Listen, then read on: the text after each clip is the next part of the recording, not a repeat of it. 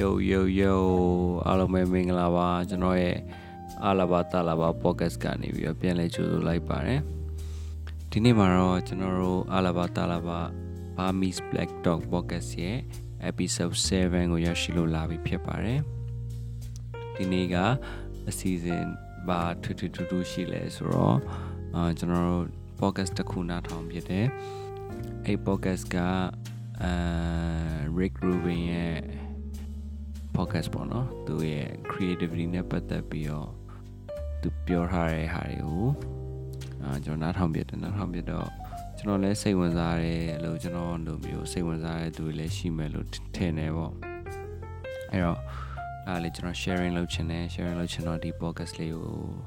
အခုညဘက်တနားရီမှာ record လုပ်ဖြစ်တယ်ပေါ့နော်အဲ့ဒီတော့အဲ Huberman podcast နဲ့တူ တယ် Huberman Lab လာမသိဘူးအဲ့ podcast နာမည်တော့ကျွန်တော်သိချာမှတ်မိတော့လို့ YouTube မှာရှာကြည့်လိုက်ရှိတယ် Huberman Huberman Lab ဆိုတဲ့ podcast ပေါ့နော်အဲ့ podcast ထဲမှာဒီကျွန်တော်ဖန်တီးနိုင်မှုစွမ်းအားပေါ့နော်ဖန်တီးနိုင်မှုစွမ်းအင်ဆိုတာကိုဘယ်လိုမျိုး access လုပ်ရမလဲဆိုတဲ့အကြောင်းသူတို့ပြောထားကြတယ် podcast ကတနားရီကျော်နှစ်နာရီတနားရီခွဲနှစ်နာရီလောက်ကြာတယ်အဲ့လိုရှည်ရွယ် အဲ့မှာမှကျွန်တော်သဘောကျတဲ့ဟာလေးကိုအာကျွန်တော်ကောက်နှုတ်ပြီးတော့ပြန်ပြီးတော့ပြောပြမှာပေါ့နော်အာ podcast မလုပ်တာလည်းကြာပြီဆိုတာကြားထဲမှာလည်းလို့အခြေအနေတွေအများကြီးရှိရလေနော်အားလုံးလည်းသိရတဲ့အတိုင်းပဲအာကျွန်တော်တို့အဆင်မပြေခြင်းတွေအဲ့လိုအဆင်ပြေခြင်းတွေဒေါသထွက်တာတွေတင်မလားစိတ်ထဲမှာကြိမ်နိုင်ခဲများဖြစ်နေတဲ့ဟာတွေ တဲ့ပြောခြင်းပေမဲ့လည်းမပြောဘဲနဲ့ရှော့လိုက်ရတဲ့ဟာတွေအများကြီးရှိကြမှာပေါ့အားလုံးလည်းဒါပေမဲ့အဲ့ဒါကိုနှစ်သက်မှာအတွေးတင်မြင်တဲ့စိတ်ကူးတဲ့တင်နဲ့ရှေ့ဆက်နိုင်မယ်လို့ကျွန်တော်မျှော်လင့်ပါတယ်မျှော်လင့်ပါတယ်ဆိုတော့ okay ကျွန်တော်တို့ဒီ podcast ရဲ့အစပိုင်းလေးကိုသွားလိုက်ရမနော်သွားလိုက်မယ်ဆိုတော့ဒီ creativity နဲ့ပတ်သက်ပြီးတော့အဓိကအဖြစ်ကတော့ဖန်တီးနိုင်မှုဆိုတာပေါ့နော်ဖန်တီးနိုင်မှုဆိုတာဆိုတာဘယ်လိုမျိုးလဲဆိုတော့ကျွန်တော်တို့ လူသားတိုင်းမှာဖန်တီးနိုင်မှုဆိုတာအားရှိတယ်အဲ့ဒီဖန်တီးနိုင်မှုဆိုတာအားတွေကဟိုးရှေးဘဝေဒနီခစ်တဲ့အာမီးကိုစားပြီးတော့တီထွင်ခဲ့တဲ့ဟာနဲ့စားရမှာပေါ့နော်အဲ့လိုမျိုးစားပြီးပြောရမှာဆိုအများကြီးပဲပြောလို့ဆုံးမှာမဟုတ်တော့အဲ့တော့တီထွင်ဖန်တီးနိုင်မှုစွမ်းရည်ပေါ့နော်အဲ့ဒီဟာကသူတို့က Ray Rubin ဘာပြောလဲဆိုတော့ Ray Rubin ဆိုတော့အားလုံးပဲသိသိမယ်လို့ထင်ပါတယ်ဒီ music လုပ်တဲ့လူတော်တော်များများလည်းသိမှာပါ အာတကယ်နာမည်ကြီး artist တွေနဲ့မကင်းတဲ့သူတယောက်ပေါ့နော် music producer တယောက်လို့လည်းပြောလို့ရတယ်သူရဲ့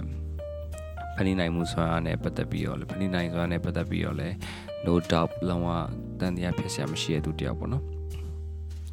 သူဘာပြောလဲဆိုရင်ဒီ creativity ဆိုတာကျွန်တော်တို့သိပ္ပံပညာထက်ပေါ့နော်ဒီမော်ပညာနဲ့ပို့ပြီးတော့ magic နဲ့ပို့ပြီးတော့နှီးစက်တယ်လို့ပြောတယ်။ဘာကြောင့်သူကအဲ့လိုပြောလဲဆိုရင်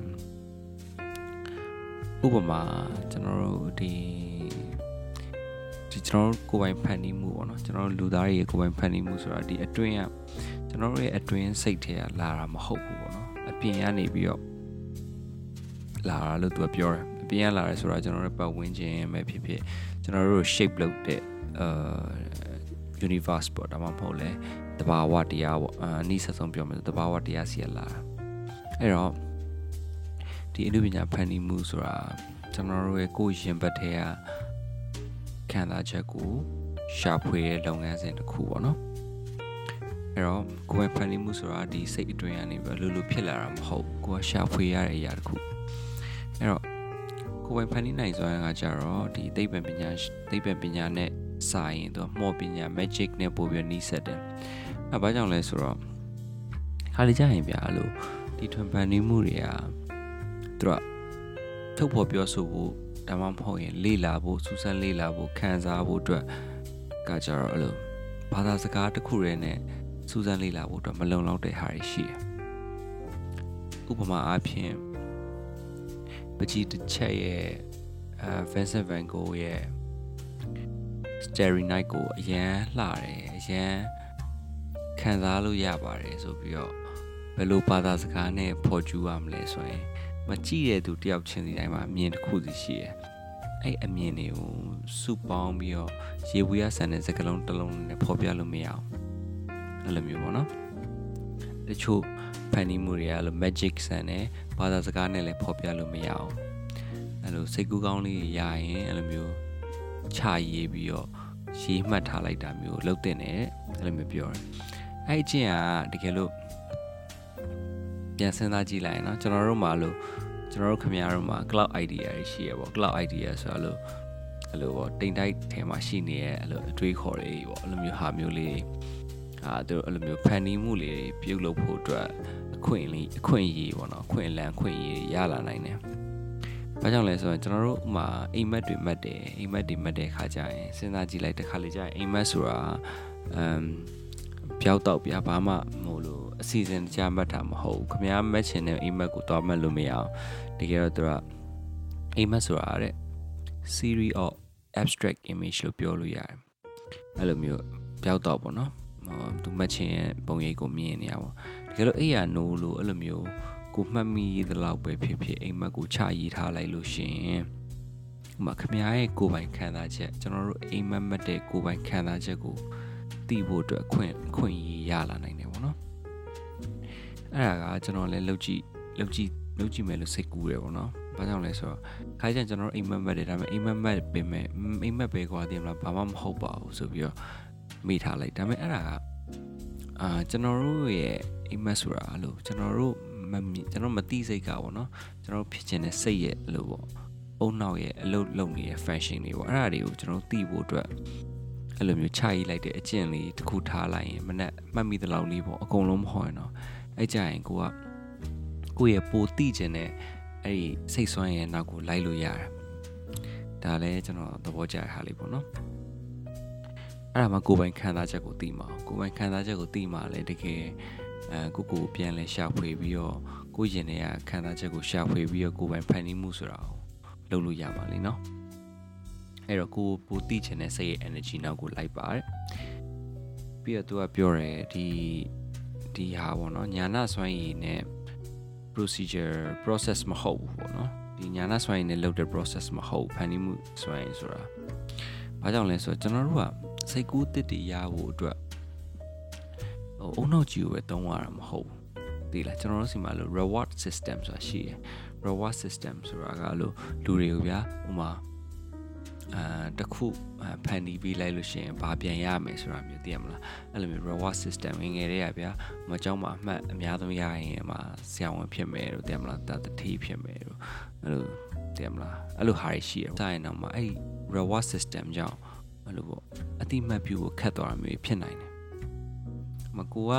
အာကိုကိုရဲ့ခံစားမှုရပါဗျာမခမရကြပြားလေးတစ်ပုတ်ပဲရေးရပဲထားပေါ့ခမရမှာလူငယ်တယောက်က အာကျွန်တော်လိုမျိုး rap ဆိုတာဝါနာပိုင်းလူတယောက်က rap တစ်ပုတ်ရေးရပဲဆိုပါတော့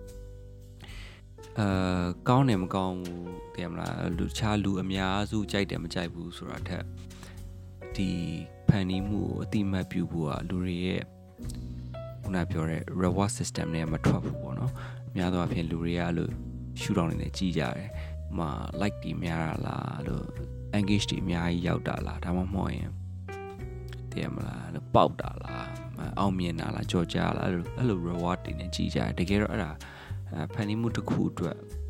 ခံစားရတဲ့မှန်ကန်တဲ့နီလန်မဟုတ်ဘူးပေါ့နော်အဲ့ဒီဟာအတွက်ကျွန်တော်တို့ရဲ့အမ်ကင်မရာလို့ပြောရင် aperture လေးကိုပြောင်းဖို့လိုအပ်တယ်ပေါ့နော်အဲ့လိုပြောင်းပြီးတော့ ion size ဖို့လိုအပ်တယ်အဲ့ဒါမှမှ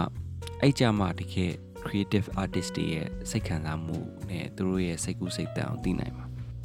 အဲ့တော့ awards တွေကိုကြည့်မယ်ဆိုရင်ဒါမှမဟုတ်သချင်းတွေဒါမှမဟုတ်ခံစားလို့ရတဲ့ဒီထွေဖန်တီးမှုတွေကိုကြည့်မယ်ဆိုရင်ကျွန်တော်တို့ကတခါလေကျရင်ကျွန်တော်တို့ရဲ့အမြင်လေးတွေပြောင်းဖို့လိုတယ်အဲလိုမျိုးသိရမလားကျွန်တော်တို့ရှင်သန်နေရတဲ့ကျွန်တော်တို့ survive လုပ်နေရတဲ့ reward system တွေကနေထွက်ပြီးတော့ကျွန်တော်တို့တချို့ဖန်တီးမှုတွေကဘာသာစကားနဲ့ဖော်ပြဖို့တော့မလုံလောက်ဘူးဆိုတော့ကျွန်တော်တို့လက်ခံဖို့လိုတယ်ပေါ့နော်ဥပမာတဲ့သူက နောက်တစ်ခုဘာပြောလဲဆိုတော့ကလေးတွေကိုကြည့်ပေါ့နော်ကလေးတွေကအရန်ရိုးသားရိုးရှင်းတဲ့ဖြူစင်တဲ့အခါကျတော့သူတို့မှာလွှမ်းမိုးမှုကင်းတယ်ပေါ့နော်အဲ့ခါကျရင်သူတို့လွှမ်းမိုးမှုကင်းတယ်ဆိုတော့သူတို့ရဲ့ဖန်တီးမှုကအရန်ကိုရိုးရှင်းပြီးတော့လူများစုဟိုသဘောကျတဲ့တဘာဝနဲ့နီးစပ်တဲ့ဖန်တီးမှုမျိုးဖြစ်တယ်ပေါ့ကလေးတွေတချင်းဆိုတယ်ဟိုမှာကလေးတယောက်တချင်းဆိုတဲ့အချိန်မှာသူ့ကို အာဘသူရဲ့လွှမ်းမိုးမှုမှမပါခင်မှာဆိုတဲ့အတန်ပေါ့နော်ဟိုမှာသူတချင်းဆိုတာလည်းတိတ်မကြဘူးဗျာသူတချင်းဆိုရဲလို့ပဲသူကသူခံယူပြီးတော့သူတချင်းဆိုနေတာဒါပေမဲ့အဲ့လိုပေါ့တခြားအဆိုတော်တွေရဲ့ inspire အဖြစ်ဘူးပေါ့အဲ့လိုမျိုးဆိုတော့သူဆိုနေအတန်ကသူအတန်နေတန်ထားလဲမှန်ညင်မှမှန်လိမ့်မယ်ကောင်းညင်မှလည်းကောင်းလိမ့်မယ်ဒါပေမဲ့အဲ့ဒါကကျွန်တော်တို့အတိမတ်ပြုရမယ်ဟာပေါ့နော်ဒီကျွန်တော်တို့ inspiration တွေကကျွန်တော်တို့လောက်တဲ့ inspiration တွေကဥမာအာထွင်တင်ကိုကြိုက်လို့ထွင်တင်လို့ဆိုရင်လည်းထွင်တင်အတန်နဲ့တူသွားတယ်ဆိုရင်ဒါသူ့ရဲ့ creativity process ကိုအနောက်ရှက်ဖြစ်စေရပေါ့နော်အဲ့လိုမျိုးပဲလေးဖြူကြိုက်လို့လေးဖြူအတန်နဲ့ဆိုရင်လည်းလေးဖြူနဲ့တူသွားတယ်ဆိုရင်သူ့ရဲ့ဖန်တီးမှုကိုပိုင်အတန်နေထားကဘယ်မှာလဲဆိုတာမျိုးမေးရမှာမျိုးဖြစ်သွားနိုင်တယ်အဲ့ဒီဟာကြောင့်ကျွန်တော်တို့ရဲ့ဒါဒါဥပမာပြောပြပါတော့ အဲကျွန်တော်တို့ရဲ့ဖန်တီးမှုစွမ်းရည်မှာ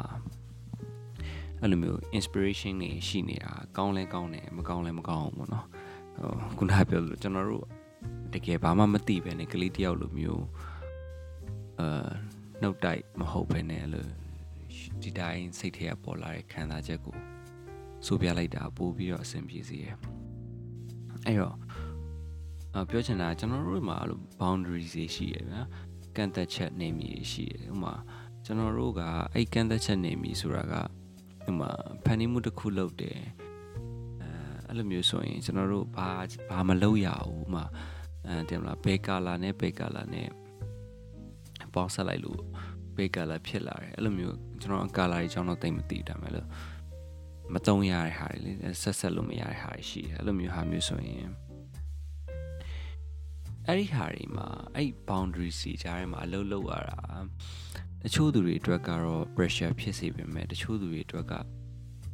ပို့ပြီးတော့ creative ဖြစ်စေရဲ့အဲ့ဒါကိုကျွန်တော်လက်ခံတယ်။ဘာကြောင့်လဲဆိုတော့ကျွန်တော်တို့က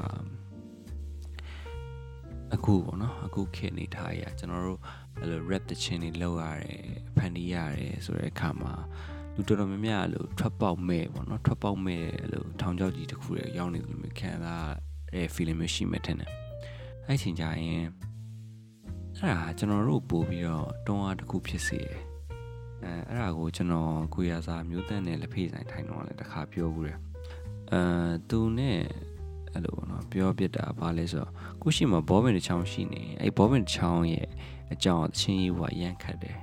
တကယ်မလားကိုယ့်ရဲ့ boundaries ထဲမှာရှိနေဟာတွေကကိုယ့်ရဲ့ကန့်သက်ချက်ထဲမှာရှိနေဟာတွေမှာလောက်ရတာဒါပေမဲ့အဲ့လိုမျိုးကိုမှ အရန်များနေပေါ့နော်လှုပ်ရှားရရန်များနေအဲ့လိုမျိုးအဲ့လိုမျိုးဆိုရင်အဲလှုပ်ရှားရရန်များနေတော့အဆင်မပြေဘူးပေါ့နော်လှုပ်ရှားရရန်များနေတယ်မလားရေဘူးကြောင်းလေးရေးနေတယ်ဒီ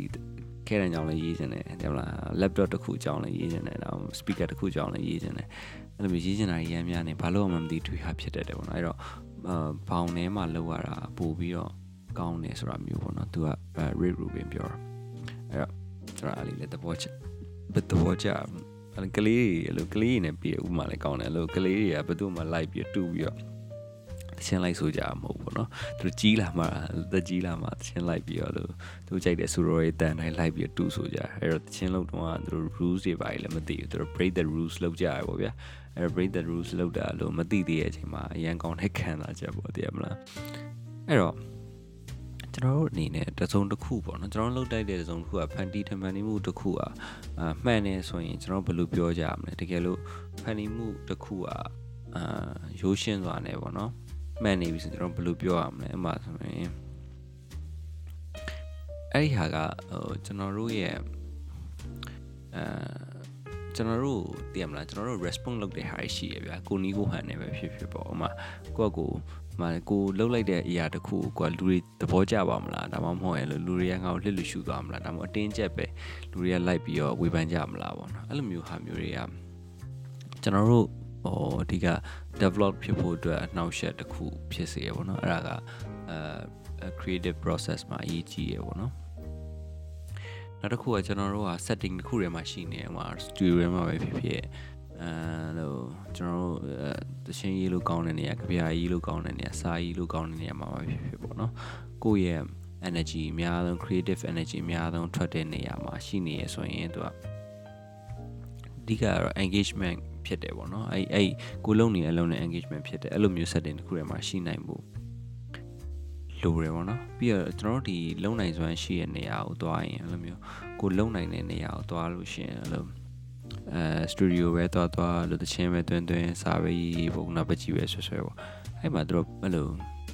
အခက်ခဲမလို့ဘာသာစကားအခက်ခဲအဲ့လိုမျိုးဘာသာစကားအခက်ခဲဘာသာစကားအာမကုန်နေပေါ့နော်ဥမာဘာသာစကားအာမကုန်နေဆိုတာဘာကြောင့်လဲဆိုတာဘာသာစကားကတခါကြရင်အဲ့လိုသိမလားနှစ်ခွဖြစ်စီရလို့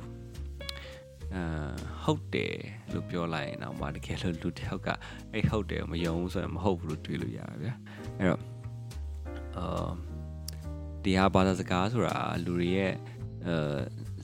emotion နဲ့ပေါ့ဒီထဲမှာဖြစ်နေတဲ့စိတ်ခံစားချက်ကိုဒါမှမဟုတ်ဟိုသူပြောချင်တဲ့ဟာတစ်ခုကို engage ဖြစ်အောင်လုပ်တဲ့အရာတစ်ခုပဲ medium တစ်ခုချားခံတဲ့တစ်ခုလိုပဲတွေးကြည့်ပါဗျာအဲ့တော့ကျွန်တော်တို့ကအဲ့မှာခုနပြောတဲ့ဖန်တီးမှုနဲ့ပတ်သက်ပြီးကျွန်တော်တို့ကြိုက်တဲ့အရာတွေကျွန်တော်စားသုံးပိုင်ခွင့်ရှိတယ်။ခံစားပိုင်ခွင့်ရှိတယ်။ ဒါပေမဲ့ဗျာခုနပြောလို့ဟိုကိုမကြိုက်လို့မကောင်းလို့ပြောတဲ့အရာကျွန်တော်လည်းလုပ်ဖူးတယ်။ဒါအမှန်ကန်အမှန်ကန်ဝန်ခံတာပြောပိုင်ခွင့်ရှိတယ်ကျွန်တော်တို့စီမှာအဲ့လိုပြောမဲ့လူတွေလည်းလိုအပ်တယ်ဝေဖန်ထောက်ပြမဲ့သူလည်းလိုအပ်တယ်။ဟောပြောပြောချင်တာလို့တီထမှန်နေမှုတွေကိုဟိုမကောင်းရင်မကောင်းကောင်းရင်ကောင်းတယ်ဒါပေမဲ့ကိုယ့်ရဲ့အမြင်နဲ့ကောင်းရင်ကောင်းတယ်မကောင်းမကောင်းပြောတာ哦ဒါဝေဖန်မှုလိုအပ်တယ် အဲ့မှာ Rick Rubin ကပြောသွားတာဘာသဘောကျဖို့ကောင်းလဲဆိုတော့ဟိုမှာ experiment တစ်ခုအနေနဲ့ပေါ့နော်ပကံနှစ်ချက်ပြီးမယ်စားရထည့်ရမယ်မှာဘယ်စားစားကိုကြိုက်လဲမေးပြီးတော့ကိုကြိုက်တဲ့အစားအစာကိုရွေးပေါ့ဗျာကိုကြိုက်တာကိုစားပေါ့ပြီးတော့မှတစ်ခုကကြက်ဥကြော်တစ်ခုကဘဲဥကြော်ပဲထားပါတော့ဒါပေမဲ့ကြက်ဥကြော်နဲ့ဘဲဥကြော်ကိုကြိုက်တာကိုစား စားပြီးတော့ချိုးချင်းငံပေါ့ဆက်အဲ့လိုမျိုးရတာကိုကိုကြိုက်တာကိုရွေးပြီးတော့ကိုဘယ်လိုခံစားရလဲသိအောင်လို့အဓိကခင်ဗျားကြိုက်တာကိုရွေးဖို့ပဲအဲ့အချက်လေးကကျွန်တော်တို့အဲ့လိုအလင်းပွင့်သွားစေ။ဘာကြောင့်လဲဆိုတော့ဟိုတစ်ခါလေကြာရင်ကျွန်တော်တို့ကကျွန်တော်တို့ခံစားရတဲ့ဟာကိုကိုနီးကိုဟန်နဲ့ဘယ်လိုတုံ့ပြန်ရမလဲမသိဘူးကျွန်တော်ပြောတာနည်းနည်းလေးစဉ်းစားကြည့်ကိုနီးကိုဟန်နဲ့ဘယ်လိုတုံ့ပြန်ရမလဲဆိုတာလို့ ကျွန်တော်တို့ဝမ်းနေနေရယ်ဝမ်းနေနေရယ်ဆိုရင်အဲ့လိုဝမ်းနေနေတဲ့ခံစားချက်ကျွန်တော်ဒေါသထွက်နေဒေါသထွက်နေတဲ့ခံစားချက်ကျွန်တော်တို့ပျော်နေပျော်နေတဲ့ခံစားချက်ကိုကျွန်တော်တို့ကကျွန်တော်တို့ဘယ်လိုတုံ့ပြန်ရမလဲမသိဘူးအဲ့တော့ကျွန်တော်တို့ကသူများတွေသူများတွေကိုလိုက်ပြီးအတူယူတယ်သိရမလားမသူများတွေဝမ်းနေလို့ရက်တောင်းရင်လိုက်တောက်တယ်ဗျာခင်ဗျားတကယ်ရက်ကြိုက်လို့တောက်တာဟုတ်ချင်မှာဟုတ်လိမ့်မယ်သိလားဟိုမှာသူများတွေပျော်လို့ တချင်းဆိုရဲဆိုရင်ခင်ဗျားတချင်းလိုက်ဆိုမယ်ဗျာဒါပေမဲ့ခင်ဗျားတကယ်တချင်းဆိုချင်တာဟုတ်ချင်မှာဟုတ်လိမ့်မယ်အဲ့တော့ကျွန်တော်တို့ကတကယ်တော့ကိုကိုကြိုက်တာကိုလှုပ်ခွင့်ရှိတယ်ဒါပေမဲ့ကိုကြိုက်တာကိုလှုပ်တဲ့နေရာမှာဟိုကိုဘယ်ဟာကိုကြိုက်လဲပေါ့နော်သူများကြိုက်လို့လိုက်ကြိုက်တာမျိုးမဟုတ်ဘဲနဲ့ကိုကိုရိုင်းတကယ်လဲကြိုက်တယ်ကိုကိုရိုင်းလဲတကယ်ဒီဟာရဲ့အရာတာကိုကိုကိုရိုင်းခံစားကြည့်ခြင်းနဲ့ဆိုရဟာမျိုးပဲလုပ်တဲ့နာအဲ့ဒါမှလည်းတကယ် ခံစားချက်အစစ်မှန်ဆိုတာပေါ်ထွက်လာမှာလို့သူကပြောရပေါ့နော်အဲ့ဒါလေးတော့သဘောကျတယ်ဥမာဟိုအမြင်မတူတာပေါ့နော်ခုနပြောရအမြင်မတူတဲ့ဟာပေါ့ကျွန်တော်လည်းပြောဘူးတယ်အမြင်မတူတဲ့ဟာကိုနဲ့အဲခုနပြောကိုမကြိုက်တဲ့ဟာပြောခွင့်ရှိတယ်အဲ့ဒါဘာကြောင့်လဲဆိုတော့မလူတိုင်းက A ဖြစ်နေတဲ့အရာတစ်ခုဗျာကျွန်တော်တို့အဲငငယ်တော့အကြောင်းမှသင်ရတယ်လို့ပေါ့သိရမလားဒီအဖြေပေးထားပြီးသား A B C D ထဲမှာ A ဖြစ်နေတဲ့အရာကိုခင်ဗျာ B ဖြစ်ခွင့်ရှိတယ် ဒါပေမဲ့အရေးကြီးတာကိုက B ဖြစ်နေရင်ဘာလို့ B ဖြစ်နေလဲဆိုတဲ့အကြောင်းပြချက်တော့ကိုမှရှိရမှာပြီးတော့အဲ့ခိုင်လုံချက်အဲအဲ့အကြောင်းပြချက်အတွက်ခိုင်လုံတဲ့အဲသတင်းချက်လက်ဒါမှမဟုတ်လဲအဲ့ခိုင်လုံတဲ့ရည်ရွယ်ချက်ခံစားချက်အဲ့လိုမျိုးခင်ဗျားမှာရှိရမှာ။ဘာကြောင့်လဲအဲ့ဒါကကျောင်းကခင်ဗျားကိုသင်ပေးထားတဲ့ကျွန်တော်တို့ကိုသင်ပေးထားတဲ့ follow the rules ဆိုတဲ့ဟာကိုတနည်းအားဖြင့်အဲချိုးဖောက်တာပေါ့နော်။ အဲ့ဒါကိုဘာလူတွေတော်တော်များများဟိုမှာစီမင်းစည်းကမ်းတွေကိုချိုးဖောက်တယ်ဆိုရင်တရားမလားဒီလူကဟိုမကောင်းတဲ့သူတယောက်လို့မြင်ကြတယ်ကျွန်တော်ကျောင်းမှာလည်းအဲ့လိုမြင်ခံအဲတော်တော်များများဥမာ follow the rules ဆိုတာဥမာလူတယောက်ကိုဗျာမကောင်းတာလုပ်တာမဟုတ်တဲ့မလားအမြင်မတူတာကိုပြောတာဥမာမကောင်းတာလည်းလူမျိုးရိုက်တယ်ဗျာနှက်တယ်ဗျာဥမာတက်တယ်ဗျာအဲ့လိုမျိုးဟာမျိုးဟိုတဲ့မလားစန့်ကျင်ရမယ်လို့ပြောတာမဟုတ် follow the rule ဆိုတာဒီသူတွေကဥမာခမရကို ABCD ၃ခုထဲမှာ A ကိုပဲရွေးရမယ်လို့ပြောနေတဲ့အချိန်မှာခမရ B ရွေးခြင်းတယ်ဒါပေမဲ့သူများ A ရွေးလိုက်လို့ခမရ A လိုက်ရွေးခြင်းတယ်ဆိုတော့သိရမလားအဲ့လိုအကြောင်းအရာမျိုးပေးနေတာလူတွေကလိုက်ပြီးတော့ပေးနေတာခင်ဗျ A သူများ A သွေးလို့ကျွန်တော်တို့ A လိုက်ရွေးမယ်ဆိုရဲအကြောင်းအရာမျိုးလူတွေက ခင်ဗျားကိုပေးနေတာရွေးတော့ရွေးခိုင်းတာမဟုတ်ဘူးခင်ဗျားကိုအဲ့လိုမျိုးအကြောင်းအရာမျိုးရွေးတဲ့နေနော်ဆိုပြီးတော့ပြောနေတဲ့ဟာမျိုးခင်ဗျားလက်မခံမဲနဲ့ B ရွေးလို့ရတယ်ကွာဆိုတော့ဟာမျိုးလက်ခံနိုင်အောင်ကျွန်တော်တို့အကြောင်းတွေမှာငငယ်တွေကမသိမိခဲ့ဘူးအဲ့တော့ထားပါတော့ဒါပေမဲ့ဒါ art မှာအမှုပညာမှာအဲ့လိုမဟုတ်ဘူးဗျာကျွန်တော်တို့ရှိရနေရအောင်လုပ်မယ်ဥပမာအဲ့ဒါရှိတယ်အဲ့ဒါဘာလဲဘာလဲဆိုတော့ဦးနာပြော B ဖြစ်ကိုက A မဟုတ်ဘူး B ဖြစ်နေတယ်ဆိုတော့အဲ့ B ကိုကိုရှိရနေရအောင်လုပ်နိုင်ရမယ်ကိုမှ B ဆိုတဲ့ဟာပြောနိုင်ရမယ်ဘာဘာကြောင့် B ရွေးလဲဆိုတဲ့ဟာမျိုးအဲ့တော့ကိုမှရှိရ resource ပေါ့နော်အရင်းမြစ်ဆိုတာရှိရကျွန်တော်တို့မှာအာအနုပညာကိုဖန်တီးနိုင်တဲ့ဟာဒါမှမဟုတ်အဲ့လိုတီထွင်ဖန်တီးနိုင်တဲ့ဟာတစ်ခုခုပေါ့အနုပညာမှာမဟုတ်လေတခြားဟာဒါပေမဲ့အနုပညာမှာပို့ပြီးတော့အရေးကြီးတယ်။ဘာကြောင့်လဲဆိုတော့ကိုရှိရဲ့ resource နဲ့ရအောင်လုပ်ရတာ။ဥပမာဟိုအဲ့ဒါကတကယ်ပေါ့နော်။တကယ်လဲတမိုးကြည့်တယ်။တခါလေကြာရင်သိရမလားဟိုဘာမှမဟုတ်တဲ့အဲ့လိုသိရမလားအ နုပညာဖန်တီးမှုလေးတစ်ခုပေါ့နော်။လူတွေထင်လိုက်တာဒါပေမဲ့အဲ့အနုပညာဖန်တီးမှုလေးတစ်ခုအတွက်ပေးထားတဲ့အချိန်နေနောက်ွယ်ကအာခံစားမှုတွေကိုလူတွေကမသိဘူး။ဒါပေမဲ့အဲ့စိတ်ရဲ့စွမ်းရည်နောက်ကိုလိုက်လာတာဘာလဲဆိုတော့အဲ့အချိန်မှာကိုယ်မှရှိရဲ့ resource တွေနဲ့ရအောင်လုပ်လိုက်တာအဲ့ရအောင်လုပ်လိုက်တဲ့ဟာတွေပို့အဆင်ပြေရပို့ပြီးတော့ creative ဖြစ်တယ်ဥမာပကြီးဆွဲဖို့ကိုမှအနီနဲ့ဝါနှစ်ခုရှိရဗျာအနီနဲ့ဝါနှစ်ခုရှိရင်ဘယ်လိုရအောင်လုပ်ရမလဲဆိုတော့တစ်ခါလေကြာရင်အဲ့လိုရွေးချယ်စရာအများကြီးရှိနေတဲ့ဟာထပ်ပို့ပြီးတော့ကောင်းတယ် ရွေးချယ်စရာအများကြီးရှိရင်အနီအဝါအသိနေပြရင်အနီအများကြီးလိုက်ရွေးနေရမှာအဲ့တော့ပကြီးဆွဲဖို့အနီနဲ့ဝါနှစ်ခုပဲရှိရင်အနီနဲ့ဝါနှစ်ခုတွေနဲ့အကောင်းဆုံးဖြစ်အောင်လုပ်ရမယ်ဆိုတာသိလာအဲ့ဒါမှပို့ပြီးတော့အဆင်ပြေအောင်ပို့ပြီးတော့ creative ဖြစ်တဲ့အပိုင်းကိုရောက်လာတာပေါ့နော်အဲ့ဒါလေးသဘောကျတယ်အာပြီးတော့သူပြောတော့လို့ digital age မှာကျွန်တော်တို့ဒီ digital age မှာဗျာဂီတကိုအကုန်ဖန်တီးလို့ရတယ်မှာကျွန်တော် infinite infinite choice ဗျာဟုတ်တယ်မလားအဲ့လို choice ကအများကြီးကြိုက်တာစုံစားမယ်ပဲခင်ဗျာဒီ door ကိုထည့်လိုက်ဟိုမှာကျွန်တော်တို့ဖန်တီးရဲ့ဟာတွေကိုပါတန်ကြားခြင်းလား piano တန်ကြားခြင်းလားအဲတည်ရမလား wind instrument ကြားခြင်းလားဒါမှမဟုတ်အဲ့လို guitar နဲ့ပတ်သက်တဲ့ string instrument တွေအဲ့လိုမျိုးကြားခြင်းလားကြိုက်တဲ့ instrument ကိုထည့်လို့ရတယ်တကယ်ခင်ဗျာ TY တခုလုံးကြီးလိုက်ငှားနေကြမလို့ဘူးဗျာဒါပေမဲ့ခုနပြောလို့ပေါ့တခါလေကြာရင်အဲ့လိုမျိုး infinite choice ဖြစ်နေရကြီးอ่ะကျွန်တော်တို့အတွက်အာ creative ဖြစ်ဖို့အတွက်ပေါ့နော်ကျွန်တော်တကယ်ရှိနေတာဒီနဲ့ဥမာထားပါတော့အိမ်မှာဟိုပလွေလေးရှိလို့ပလွေလေးနဲ့အဲတချင်းတစ်ပုတ်ဖြစ်သွားတာမျိုးတည်ရမလားအဲ့လိုမျိုးဖြစ်ဖို့ chance ကိုနည်းစေရပေါ့ပြောချင်တာအဲ့ဒါကိုယ့်ကိုရှိရလေးနဲ့ဖြစ်အောင်လုပ်ဆိုရယ်အဲ mindset ကိုသူထည့်ပေးရပါတော့အဲ့နဲ့ပြီးတော့ဟိုနောက်တစ်ခုအရေးကြီးရဲ့အရေးကြီးဆုံးသူခဏခဏပြောတာဘာလဲဆိုကိုဘလို့ခံစားရလဲဆိုတာသိအောင်လုပ်တည်မလား artist တယောက်ဖြစ်နေကိုဘလို့ခံစားရလဲသိမှရမှာ မကိုကဘလို့ခံစားနေရလဲကိုကအဲ့ခံစားနေတဲ့ခံစားချက်ကိုဘလို့မျိုးအဲတင်ပြမှာလဲဘလို့မျိုးလူတွေကိုပြောပြမှာလဲအဲ့လိုဘလို့ဖော်ပြမှာလဲပေါ့နော်အဲ့လိုအဲ့ဒါအရေးကြီးရပေါ့ကိုကိုကိုကိုပြောချင်တဲ့ဟာကိုသွားချင်တဲ့ ways ကိုကိုရအောင်သွားကိုပြောချင်တဲ့အတိုင်းပဲကိုဖြစ်ချင်တဲ့အတိုင်းပဲကိုပြောဒါပေမဲ့အဲ့လိုမျိုး keep it real တော့ဖြစ်ရမယ်ပေါ့ဗျာ keep it real ဖြစ်တယ်ဆိုတာလို့ပေါ့ကိုယ့်ရဲ့ one နဲ့နေတဲ့ခံစားချက်ကိုပျော်ရွှင်နေရဆိုပြီးလိန်လို့မရအောင်အဲ့လိုမျိုးပေါ့သိရမလား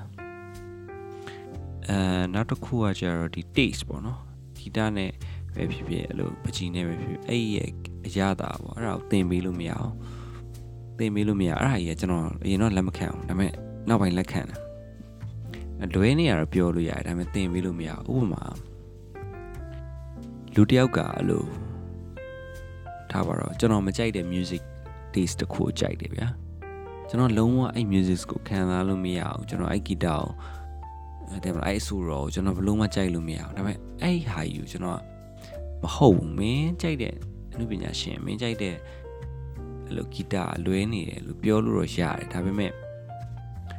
အဲ့လူကိုပြောင်းပြီးလို့မရအောင်တဒီလားဘာကြောင့်လဲဆိုတော့အဲ့လိုဘယ်တော့မှပြောင်းမှာမဟုတ်အဲ့ taste ကိုသင်ပေးလို့မရဘူးတဲ့အဲ့ဒါလည်းကျွန်တော်လက်ခံတယ် သူသူစီမှာလက်ခံရမယ့်ဟာတွေအများကြီးပဲဘာကြောင့်လဲဆိုတော့ကျွန်တော်သဘောကျရပဲလေလားကျွန်တော်အရင်တော့ကျွန်တော်မှအဲ့လို mindset ရှိတယ်ကျွန်တော်သင်ပေးလို့ရမယ်လို့ထင်တယ် taste ကိုကျွန်တော်တချို့တငယ်ချင်းတွေအဲ့လိုပေးနာထောင်မှုတယ်တချို့တချင်းတွေပေါ့နော်ဒါပေမဲ့သူတို့နားမလဲဘူးဒီလားသူတို့နားမလဲဆိုတာလို့သူတို့စီမှာအဲ့လို artist တယောက်ရဲ့ခံစားချက်ကိုတကယ် keep it real ဖြစ်မဖြစ်တကယ်တယ်မလားဟိုသူပေးနေရအစစ်မှန်လားအတူလား ခံစားဖို့အတွက်တယ်မလားနှလုံးသားမပါလည်းမဟုတ်ဗျာနှလုံးသားတော့ပါတယ်မလို့ခံစားဖို့လောက်ထိသူတို့အချိန်မပေးဘူးဗျာဒီလားအပေါ်ရန်အဲ့လိုမျိုးဟိုဂီတကိုလို့ကိုယ့်အတွက် entertain ဖြစ်စေရကိုယ့်အတွက်အဆင်ပြေရဆိုတော့ပဲနားထောင်တဲ့သူတွေကအဲ့လိုဂီတရဲ့ taste ကိုသင်ပေးလို့မရဘူး။ဘာကြောင့်လဲဆိုတော့အဲ့လိုသူတို့ကခုနပြောတဲ့ခေါင်းစဉ်အတိုင်းပဲသူတို့ဘာကြိုက်လဲသူတို့မသိဘူးဗျာသိလား။ဥမာ ဟိုသိရမလားသူတို့ကကိုကိုရိုင်းကအဲ့လိုရှောက်ဖွေနားထောင်နိုင်စွမ်းဒါမှမဟုတ်ရင်သူတို့ကိုယ်တိုင်ငါဘာကိုလိုချင်နေရလဲဆိုတော့သူတို့မသိဘူး။ဥပမာအဲ့ဥပမာဆိုတာရမ်းများနေဟိုသိရမလားကိုကြိုက်တဲ့ဟာကိုပြောချင်တာဗျာကိုကြိုက်တဲ့ဟာကိုသိအောင်လုပ်ရမယ်ဆိုတာအရေးကြီးရဟုတ်လားကိုကဟိုဝမ်းနေနေတဲ့အချိန်မှာဝမ်းနေနေရဲ့တခြင်းတစ်ပုတ်တောင်မှကိုမသိဘူးဆိုရင်သွားပြီလေသိရမလားဟို ဝမ်းနေနေတဲ့အချိန်မှာဗျာကိုက motivation လိုနေလို့ဥပမာ EDS ရဲ့ဟိုဝမ်းနေတဲ့တဲ့ချစ်သူအားမငင်နဲ့သိရမလားအဲ့ဒါမျိုးကိုနားထောင်လိုက်တယ်ဆိုရင်သိရမလား तू ဘာကြိုက်လဲ तू သိရလို့ပြောလို့ရတယ်သိရမလားဒါပေမဲ့ဝမ်းနေနေရဲ့အချိန်မှာမှအဲ့လိုမျိုး तू ကြိုက်တဲ့တခြင်းကိုလည်း तू မသိဘူးဗျာကိုယ့်ကိုယ်လည်းအဲ့လိုဝမ်းနေနေတဲ့ဟာကိုဘာတခြင်းသားထောင်အောင်လဲရှားအောင်လဲမသိပဲနဲ့ဟိုသိရမလား Ferrer ရဲ့ happy တခြင်းသွားနားထောင်ရင်သိရမလား minor chord ဆို minor ပဲလေသိရမလားဒါပေမဲ့ပျော်နေတဲ့ဟာကြီးကိုဘလို့ဘလို့သွားပြီးခံစားရမလဲသူသူမူကြီးကပျော်နေတဲ့မူကြီးကိုသိရမလားအဲ့လိုမျိုးဟိုတချို့အဲ့လိုဒါကဟိုနည်းနည်းတော်သေးတယ်အဲ့ဒါအဲ့လောက်ကနည်းနည်းတော်သေးတယ်အမှတဲ့ဝမ်းနေနေလို့ပျော်ခြင်းနဲ့ဟိုမှုကိုသွားရဲဆိုတာနဲ့တော်သေးတယ်ခံလက်ခံလို့ရသေးတယ်တည်မလားချိုးကျွန်တော်လည်းတစ်ခါကျရင်ဝမ်းနေနေလို့ တည်မလားနားထောင်တာပဲအဲ့ဒါဘာမှမဖြစ်ဘူးပြောချင်တာလို့သူများကြိုက်တာလိုက်ကြိုက်တာဗျာတည်မလားသူများကြိုက်တဲ့ဟာကိုလိုက်ကြိုက်တာသူတို့ကြိုက်တဲ့သူကလို့သူတို့တကယ်ကြိုက်တာမဟုတ်တည်မလားသူများကြိုက်တဲ့ဟာကိုလိုက်ကြိုက်တာအဲ့တော့အဲ့ဒါကြီးကမဖြစ်တဲ့ဘူးနော်ဒါဒါဒါဟိုကျွန်တော် fan အနေနဲ့ဆိုတော့ကျွန်တော် fan အနေနဲ့နားထောင်တဲ့တခြင်းကိုပြပြတခြင်းနေနားထောင်တဲ့ဟာကိုပြပြကြိုက်တာနားထောင်ကိစ္စမရှိဘူးအဲ့တော့ artist တွေအနေနဲ့ဆိုရင်တဲ့သူက တစုံတယောက်ကိုစိတ်ကျဉ်တဲ့မှုပေးနိုင်အောင်လုပ်ဖို့ကတကယ်အရေးကြီးတဲ့ skill set ပဲအဲ commercially ထက်ပိုကောင်းရတယ်အဲ့လို artist တွေလုပ်တဲ့အလုပ်က commercial ကကြတော့သူတို့ကစီးမြင့်နေပေါင်းနေရှိရယ်ဒါပေမဲ့အဲ့စီးမြင့်နေပေါင်းပေါင်းနေထက်ကိုပို့ပြီးတော့ကောင်းတဲ့ဟာဥမာ artist တွေကလုပ်နိုင်တာအဲ့ဒါကကြတော့သူများတွေကိုအဲ့လိုမျိုးစိတ်ကျဉ်တဲ့မှုပေးနိုင်တဲ့အရာတစ်ခု commercial ကခမရကိုစိတ်ကျဉ်တဲ့မှုပေးမှာမဟုတ်ခမရကိုအဲ့လိုအဲ ဆွဲဆောင်မှုဆွဲဆောင်မှုတစ်ခုပေးမှာဒါပေမဲ့ attraction ပေးမှာဒါပေမဲ့ please မဖြစ်စေဘူးစိတ်ကျဉ်တဲ့မှုမဖြစ်စေဘူးသိရမလားအဲ့တော့ကျွန်တော်တို့ထားပါတော့ဒါ creative process နဲ့ပတ်သက်ပြီးကျွန်တော်သူပြောတဲ့ဟာတွေတွေကအဲမှတ်မိသလောက်ပေါ့နော်မှတ်မိသလောက်ကိုပြန်ပြောချင်အဲကျွန်တော်လည်းသဘောကျတယ်အဲအကြောင်းကျွန်တော်လည်းပြန် sharing လုပ်ချင်တာ ਨੇ ဒီ podcast ကိုနားထောင်နေတဲ့တငယ်ချင်းတွေကိုပြန်ပြီး sharing လုပ်ဖြစ်တယ် အဲပြီးတော့နောက်တစ်ခုကသူဘာပြောလဲဆိုရင် super power of artist ပေါ့နော်အဲ artist တွေကဘာသူသူရဲ့ super power ဘာလဲသိလားဘာဘာလဲဆိုတော့တကယ်ကျ artist တွေကဘာမှမသိဘူးတဲ့အဲ့ဒါသူတို့ရဲ့ super power ပဲဘာမှမသိဘူးဆိုတော့ super power ရှိရတယ်ဟာစားသွားတယ်မှာအတကယ်ပြပြန်ပြောပြဟုတ်တယ်တကယ်ကကို့မှာအဲ့လိုပေါ့နော်အရန်ပြည့်နေပြီလို့ထင်တဲ့သူကတကယ်ဘာမှမသိဘူးမပြည့်ရဘူးဖောင်မင်ခတ်တယ်ပဲတင်အဲ့လိုမျိုး တကယ် artist ရဲ့ super power သူတို့ဘာမှမသိဘူးလို့လက်ခံတာအဲ့မှာမှသူတို့ရဲ့အရှူတော်တွေပြောင်းသွားတယ်ဒီတည်းမှာတနေ့တနေ့အဲ့လိုမျိုးအိစာကာမနဲ့အချိန်ကုန်တဲ့ဟာတွေတက်ရှင်မှုလိုအပ်ချက်တွေပြီးတော့စံနှုန်းတစ်ခုကနေတစ်ခုရှူတော်ပြောင်းပြီးအသစ်တစ်ခုကိုမသိစိတ်ကနေသိစိတ်ကိုပြောင်းဖို့ဆိုတာအဲ့ဒါတွေကိုသိလာတယ်ဒီကျွန်တော်တို့က comedy လေကျွန်တော်တို့ comedy ကျွန်တော်တို့ဟာတာဟာတာ plot တွေရှိရလေအဲ့မှာဆိုလို့ အရန်အဲ့လိုခြေရတဲ့ဟာပေါ့ဟာတာတစ်ခုပေါ့အဲ့ဒါကိုမသိစိတ်ကိုလှည့်စားလိုက်တာတကယ်တော့အဲ့အရန်ရရတဲ့ blog ကခမားရင်ထဲမှာရှိပြီးသားဒါပေမဲ့အဲ့ရှိရှိပြီးသားအရာကိုဟိုကိုမကိုရဲ့မတိစိတ်မှာမတိနေဘူးဗျာအဲ့တော့အဲ့မတိစိတ်ကိုရှုထောင်ပြောင်းပြီးတော့တိစိတ်ဘက်ကိုပြန်ပြောင်းပေးလိုက်တာ အဲ့တော့ကျွန်တော်တို့အတွက်အရန်ကြီးရတာဟာငါတို့တိပြီးသားဟာကြီးပါဒါပေမဲ့တိပြီးသားလို့ထုတ်မပြောပဲအာဒါငါလည်းတိတယ်ငါလည်းတိုက်ဆိုင်တယ်ဆိုတဲ့ဟာမျိုးရှိရတယ်ပေါ့နော်အဲ့လိုမျိုးပဲတခါတည်းကျကျွန်တော်တို့ရဲ့ရှုထောင်နေပြောင်းမှုလို့ရတယ်အဲ့ဒါလေခုနပြောရဲဘာမှမသိဘူးဆိုတဲ့အရာစတာပဲဘာမှမသိဘူးဆိုမှအဲ့လိုရှုထောင်ပြောင်းဖို့အဆင်ပြေမှာပေါ့နော်ငါသိရဲ့ငါလည်းကုံတက်တယ်ငါဆရာကြီးဆိုတော့သွားပြီရ ပြီးလူကြိုက်မလားမုံမလားဆိုတော့မစင်စားရဘူးပေါ့နော် artist တွေ creative ဖြစ်ချင်တယ်ဆိုတော့လူကြိုက်မလားမုံမလားဘယ်လိုလဲမစင်စားနဲ့သူတို့လုံးဆရာရှိရလို့တယ်မလားအဲအရင်တော့ဆိုရင်လည်းသူတို့ဒီ hip hop ကြောင်ပြော hip hop က underground ဖြစ်တယ်ပေါ့နော်အရင်ဘယ်သူမှမကြိုက်ကြအောင်အဲ့တော့ကျွန်တော်တို့ကတေချာစဉ်းစားကြည့်ပဲကျွန်တော်တို့ဘသူတွေကြိုက်မယ်ဘသူတွေမကြိုက်ဘူးဆိုတော့ကျွန်တော် control လုပ်လို့မရအောင် သိရမလားကျွန်တော်တခြင်းဆိုရင်လည်းကျွန်တော်ကြိုက်တဲ့သူရှိမယ်မကြိုက်တဲ့သူရှိမယ်ကျွန်တော် control လုပ်လို့မရအောင်အဲ့ဒါဟိုကျွန်တော်ရဲ့ခံစားချက်ကို like ခံစားခြင်းတဲ့သူရှိရင်ရှိမယ်မရှိရင်မရှိဘူးကျွန်တော် control လုပ်လို့မရအဲ့ဒါကျွန်တော်ရဲ့အာဘယ်လိုပြောရမလဲကျွန်တော်ချုပ်ကင်လို့ရရရမဟုတ်ဘူးဗျာဒါပေမဲ့ကျွန်တော်ချုပ်ကင်လို့ရတာဘာလဲဆိုတော့ကျွန်တော်လှုပ်ချင်တဲ့အရာကိုလှုပ်လို့ရတာပဲတဲ့တော့ကျွန်တော်လှုပ်ချင်တဲ့ကျွန်တော်ဖန်တီးချင်တဲ့ကျွန်တော်ခံစားချက်ကိုကျွန်တော် ဖော်ပြလို့ရတယ်အဲ့ဒါကျွန်တော်လုပ်လို့ရတယ်ကျွန်တော်ကကျွန်တော်လုပ်လို့မရသူတို့ရဲ့ကြိုက်တာတွေမကြိုက်တာတွေ popular ဖြစ်တာတွေမဖြစ်တာတွေကျွန်တော်လုပ်လို့မရကျွန်တော်လည်းစိတ်ဝင်စားအဲ့တော့ပြီးတော့နောက်တစ်ခုကဒီ artwork တွေဖန်တီးမှုတွေလုပ်တဲ့သူတွေကချစ်လို့လုပ်တာပဲဖြစ်တဲ့တယ်တည်ရမလားအကျိုးရလက်ကိုမျှော်ပြီးတော့လုပ်တာမျိုးဗျာအခု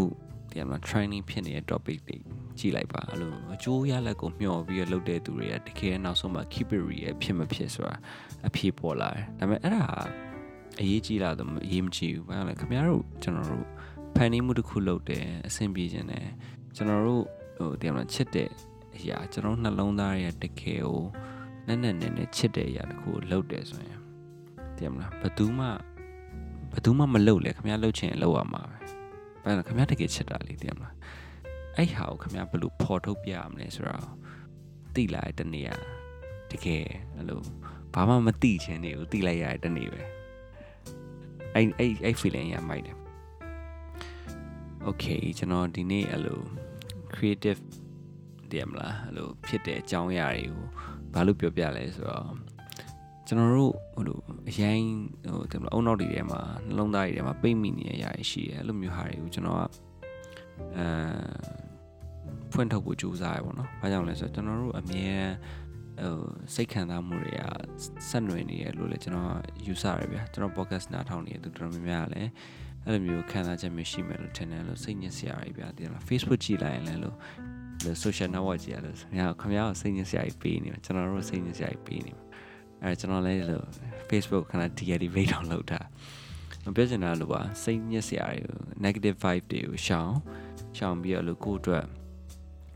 creative ဖြစ်မဲ့အရာတဲ့ကိုယ့်အတွက်ဖန်တီးမှုတစ်ခုခုဒါမှမဟုတ်ကိုယ့်အတွက်အခွင့်အလမ်းတစ်ခုခုရမယ်အရာကိုရှင်မထဲကနှလုံးသားတွေကဖော်ပြလို့ရမယ်အရာတစ်ခုခုစီကိုသွားပါ